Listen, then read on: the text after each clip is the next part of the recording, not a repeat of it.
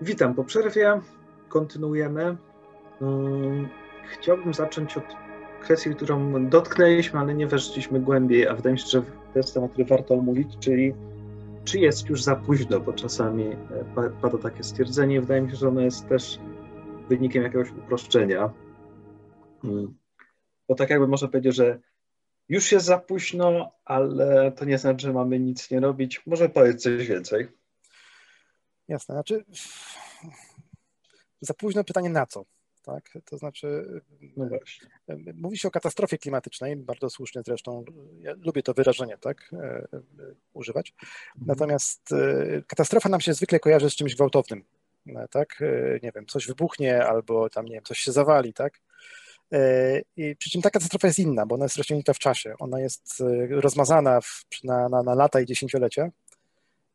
I, I w tym kontekście pytanie, na co za późno? Na to, żeby wrócić do tego, co było, w sensie 100 lat temu, tak, za późno.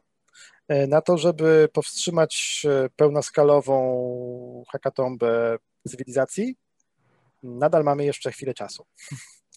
E, takie. Ja ci powiem, że ja boleję nad tym, Aha. że hasło, które się pojawiło w dwóch miejscach i dlatego ja myślałem, że, ono, że to hasło zawojuje świat. Niestety tak się nie stało.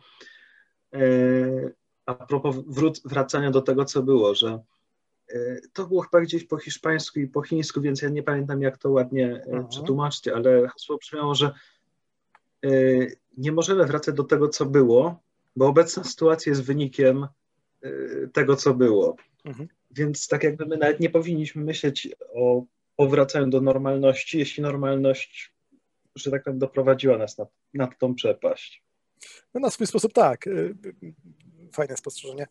Jest taki, y, nie wiem, mem, to może za, za, za niewłaściwe słowo, ale w każdym razie taka koncepcja, e, gdzieś tam ktoś w, w kilku filmikach e, przedstawiał, także pewnie się będziemy tutaj powtarzać, ale y, że, że, że, że katastrofa klimatyczna jest jak uderzanie, że tak powiem, z liścia w twarz. Tak raz za razem człowieka. No i to jest tak, że na początku, e, jak jest tam, nie wiem, jeden stopień ocieplenia, to dostajesz z tego liścia raz na 10 sekund. Jak jest dwa, e, jakby tam dwa stopnie ocieplenia, to jest tak, że co 5 sekund. No i potem coraz częściej, takim cieplej, tym, tym, tym częściej. No i teraz pytanie, kiedy jest dobry moment na to, żeby wyhamować ten progres? No, w każdym momencie jest dobry moment, bo to oznacza, że będziesz mniej dostawał w twarzy, tak? tak. E, ja, więc... ja już jestem pobity, jakby nie, tak, to, nie to znaczy nie jest... Wam, że już to już nie ma znaczenia. Dokładnie. I y, no, z tego punktu widzenia y, nigdy nie jest za późno, żeby zmniejszyć albo spowolnić te, te, te zmiany.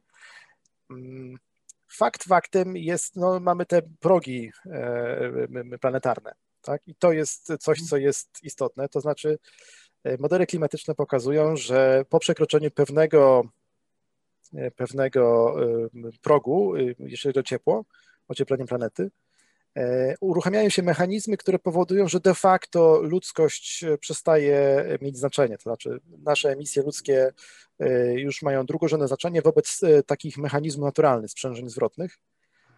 Czyli, czyli moglibyśmy wyłączyć wszystkie nasze emisje, a Ziemia i tak będzie się dalej ogrzewała już sama. Nie bardzo wiemy, gdzie ten, gdzie ten próg jest czy to jest 2 stopnie, czy to jest 2,5, czy to jest 3, ale gdzieś w tych okolicach. Tak, to znaczy, bo one chyba nie tyle są wyznaczane według temperatury, co według tych y, hmm, carbon sinks. Nie tak, wiem, jak tak, tak. nie polski termin.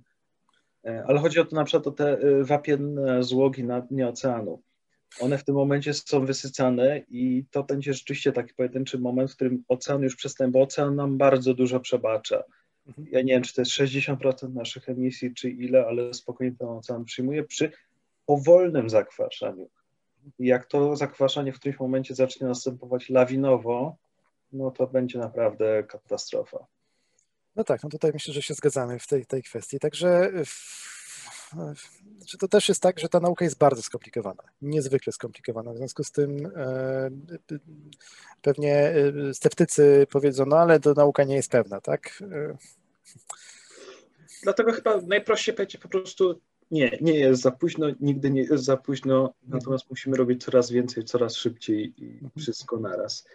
Więc zgodnie z obietnicą może przejdźmy do tej Polski. Ech, jakbyś teraz nas zdiagnozował i, i, i co, byś, co byś zalecił? Ale używając cenzuralnych słów, czy, czy, czy nie? Nie, no śmieję się. Myślę, że będę w stanie. ja uważam, że to jest część słownika, ale też, żeby y, tak, wiesz, nie tak. zmniejszać zasięgów, może spróbujmy się trzymać y, tych, tych słów. Mm, to znaczy, no, ja myślę, że Polska idzie w, w kierunku. O, znaczy, to jest jakaś strategia, tak? To znaczy. No mówiąc wprost, znaczy to jest, to jest y, to, co mamy tutaj na skalę światową, to jest typowy, y, y, typowy problem tragedy of the commons, tak? czyli, czyli tragedia dóbr wspólnych. To znaczy klimat na Ziemi jest dobrem wspólnym i wszyscy z niego korzystamy, albo wszyscy obrywamy od niego po twarzy. Ale to, czy dane państwo, osoba, firma kontrybuuje, znaczy każdemu się opłaca nie inwestować w nowe technologie, w te drogie wodory, czy tam różne inne rzeczy, tylko robić po staremu, emitować swoje, mając nadzieję, że wszyscy inni będą tak zmotywowani, żeby to, żeby to powstrzymać tą katastrofę. Tak? Więc jakby każdemu z osobna się opłaca tego nie robić, tego powstrzymywania. E, natomiast no, kolektywnie jesteśmy, znaczy jak tego nie zrobimy odpowiednio mocno i odpowiednio dużo, no to, to przegramy. Jest to e, no. dylemat więźnia w najprawdziwszej, najczystszej tak. formie, powiedziałbym. Czyli każdemu opłaca się oszukiwać, znaczy każdy ma zachętę, by oszukiwać, mhm. natomiast jeśli obie strony oszukują, to wszyscy mamy, e, suma wspólna z gry jest bardzo zła. Mhm. Ja teraz nie pomnę nazwiska niestety, a może powinienem był, ale z, któryś z noblistek, zdaje się z ekonomii, E, badała właśnie taką dynamikę takich systemów społecznych i ekonomicznych. Kiedy mamy takie dobra wspólne i, i jakby potrzebna jest jakaś, jakaś taka duża akcja, żeby coś z tym zrobić. Zdaje się analogia, jeżeli dobrze pamiętam, była taka, że mamy miasto, w którym nie ma oświetlenia ulicznego. No i nocami po prostu jest ciemno. I teraz chodząc po tym mieście, no ponieważ jest ciemno, to jest duża przestępczość, można po prostu zostać obrabowanym czy napadniętym. I zbudowanie tej, tego oświetlenia ulicznego jest e, takim dużym wydatkiem. I teraz są tylko dwa sposoby na to, żeby takie, takie oświetlenie publiczne powstało. Że praktyka i, i właśnie z tych badań wynikało, że są to tylko dwa modele, żeby to powstało. Jeden jest taki, że ktoś przyjdzie i zarządzi, że tak powiem, znaczy jakiś, nie wiem, burmistrz tego miasta, zarządzi podatek, żeby się wszyscy złożyli i, e, no i kupili to oświetlenie, czy zrobili ten wysiłek. E, to, to wymaga tego, żeby był ktoś, e, powiedziałbym, nadrzędny. To znaczy, to ktoś był rządem światowym, tak, w ten sposób. Drugi przypadek, kiedy to się wydarza, jest tak, że ktoś jest tak bogaty, któryś z mieszkańców miasta, że ma tak dużo do stracenia, ponieważ w kieszeni nosi, wiecie, milion, tak, złoty, więc jak go napadną, to, to ten, że to ma tak dużo do stracenia, że z własnych pieniędzy to sfinansuje. Czyli mhm. ktoś już jest tak ważną, tak, tak ma tutaj tyle do stracenia nie? i ma tyle, tyle możliwości. Wiesz, jak o tym mówisz, to ja mam tutaj e, takie idealistyczne przemyślenie, e, że ci miliarderzy już tak bardzo odjechali naprzód, że może przyjdzie taki moment, że ich będzie stać na to, żeby samemu nie zbiednieć, bo bądźmy szczerzy, jeśli e, masz 100 miliardów i nie wiem, coś się stanie i zostajesz z jednym miliardem, to wciąż jesteś miliarderem i wciąż ty i twoje dzieci jesteście zabezpieczeni i wnuki, mhm. E, że może przyjdzie taki moment, że e, będzie ich stać na to, żeby uratować świat, a samemu nie zbiednieć, a wręcz znów w tym zielonym świecie się dalej obrzydliwie bogacić. Bo widzisz, to jest też w ogóle taki wątek, że a propos tego odchodzenia od normy i że zmiana jest konieczna. Nie wiem, czy zgodzisz się, że mm, jakimś tam wątkiem w tej edukacji powinno być to, że przemiana energetyczna, przemiana jeśli idzie o, nie wiem, konsumpcję czy korzystanie z zasobów ziemi, wcale nie musi oznaczać przejścia do jaskiń. A to jest to, czym ta, że tak powiem, konserwatywna strona część, często straszy stronę, nazwijmy to, nie wiem, ekologiczną, czy, czy, czy, czy jak ją nazwać, że oni chcą wam odebrać samochody, lodówki, nie wiem, kaloryfery i tak dalej. A jest to taka fałszywa dychotomia.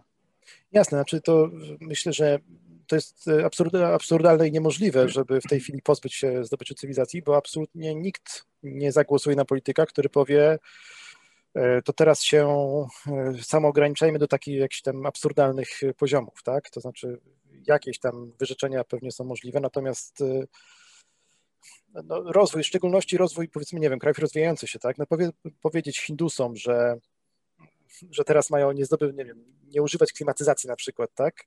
Czy, mhm. czy nie korzystać ze zdobyczy cywilizacyjnych, to no to jest nawet nieetyczne z naszego punktu widzenia, tak? Już abstrahując od wszystkiego innego. Ale y, no, Także to nie chodzi o to, chodzi raczej, żebyśmy stworzyli, y, nie wiem, świat, w którym, y, w którym rozwój E, technologiczny i, i, naukowy po prostu przyniósł dobrobyt ludzkości, a nie, a nie, że wróciliśmy do jaskiń, tak? Mhm. W poprzedniej części jeszcze ruszyliśmy taki wątek, e, który, kurczę, w skali świata powiedzmy, że jak dla mnie ma dużo sensu, E, czyli że jest właśnie to lobby, któremu po prostu no, opłaca się spalać, wydobywać, kopać i tak dalej i nic dziwnego, że no, jeśli ktoś siedzi na wiesz, stercie złota, to ciężko mu powiedzieć, żeby przestał wykopywać to złoto i, i, i się na nim mhm. bogacić. Mhm. Natomiast u nas, bo chciałbym jeszcze, żebyśmy się teraz póki co zatrzymali na etapie tej Polski, mm, z nadzieją, że na przykład jak zaczniemy rozmawiać o wiesz, skali światowej, będzie optymistyczniej bardziej, ale e, czy, czy jak to jest możliwe, że u nas przecież wydobywanie węgla się nie opłaca, a i tak to lobby istnieje, trzy, trzyma ten jakiś absurdalny klincz, jest ten cały spin, że to jest nasze dobro narodowe. Czy tu widzisz jakieś szanse, że tu się coś, coś, coś zmieniło? Bo powiedzmy, że już tą Polskę zdiagnozowaliśmy, teraz powiedz mi, co można dalej z tym zrobić. Jak to odczarować wszystko? Jakbym wiedział. Jakby tokolwiek no, ale wiedział. ty to robisz. Ty no ja robię to na, na, skalę, znaczy ja to robię na Pomorzu. Przypuszczam, że na mhm. Pomorzu jest łatwiej niż e, na Górnym Śląsku. E, tak, tak przy tak. okazji.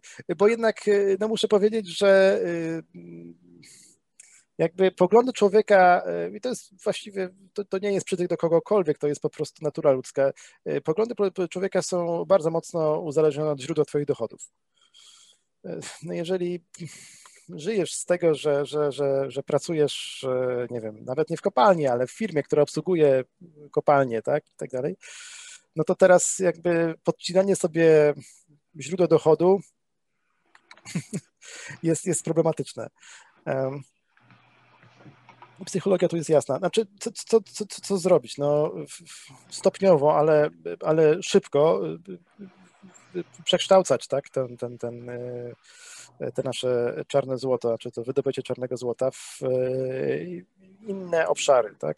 Mhm. Jest przemysł 4.0, tak, w którym też zostajemy z tyłu, jeśli chodzi o, o rozwój, tak? czyli taka ekonomia danych to, co robi Facebook, to, co robi Google, tak? E, to, że mamy darmowe e, te usługi, to znaczy to to, że oni po prostu korzystają z danych, które my generujemy. Mhm. I jakby polskie przedsiębiorstwa w bardzo, bardzo niewielkim stopniu siedzą w tym obszarze i dostrzegają w ogóle wartość biznesową tego typu rzeczy, no a gdzieś ten biznes musi być w tym wszystkim. Tak? Mhm. Bo, bo, na końcu to, to, to pieniądze i miliony i miliardy, setki miliardów złotych będą tutaj decydowały. Co robić? No to druga kwestia to jest edukacja, tak? To, co żeśmy mówili w poprzedniej części, czyli, e, czyli mm, ja mam takie wrażenie, nie wiem, czy się ze mną zgodzisz, że, że w Polsce świadomość klimatyczna jest na opłakanym poziomie. Tak. My, my, my, my, za, większy, za większy problem uznajemy, nie wiem, plastik i, i słomki niż zmiany klimatyczne. Ale to widzisz, to, y, to nie jest zastanawiam się, tutaj to jest właśnie kwestia problemu świadomości, czy już właśnie bardziej głębszego wejścia. Bo wydaje mi się, że ta świadomość jednak chyba jest, tylko właśnie dalej się gubimy na tym, że można komuś zamydlić oczy papierową słomką e, czy, czy, czy zieloną naklejką na produkcie, niż e, wchodzenia w detale. Mhm. Bo teraz w ogóle się pojawia bardzo ciekawa rzecz. Ja jednak wolę czytać z papieru i mam nadzieję, że szybko się to znajdzie na papierze pojawia się publikacja mm, klimatyczne ABC. Tak, widziałem wczoraj, tak. Tak, i zapowiada się fantastycznie, mhm. między innymi dlatego, że jest to interdyscyplinarne, tak, tytuł jest wręcz, interdyscyplinarne podstawy współczesnej wiedzy o zmianie klimatu. Mhm.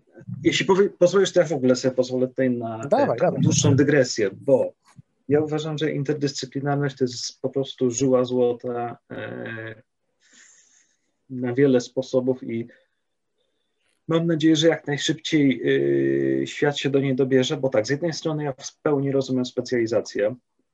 Nauka zaszła tak daleko, że rzeczywiście już nie mamy lekarzy, tylko mamy specjalistów pojedynczych organów albo pojedynczych, nie wiem, e, pod, pod, podzespołów tych organów, pod, pojedynczych. Nie ma, na świecie nie ma człowieka, który mógłby zbudować mysz komputerową. Tam jest już tyle tak różnych technologii, że e, po prostu e, nie ma sposobu.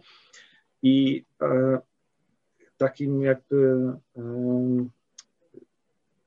szokiem dla mnie było e, spotkanie, na którym miałem przyjemność być. To jest chyba pierwsze wystąpienie polskie TEDxowe, które znalazło się na TED.com. Mhm. Był to Brytyjczyk, który y, na co dzień y, jest inżynierem, zajmuje się tam boilerami, maszynami do spalania i tak dalej. Zna się na, że tak powiem, y, plumbing, czyli. Jasne.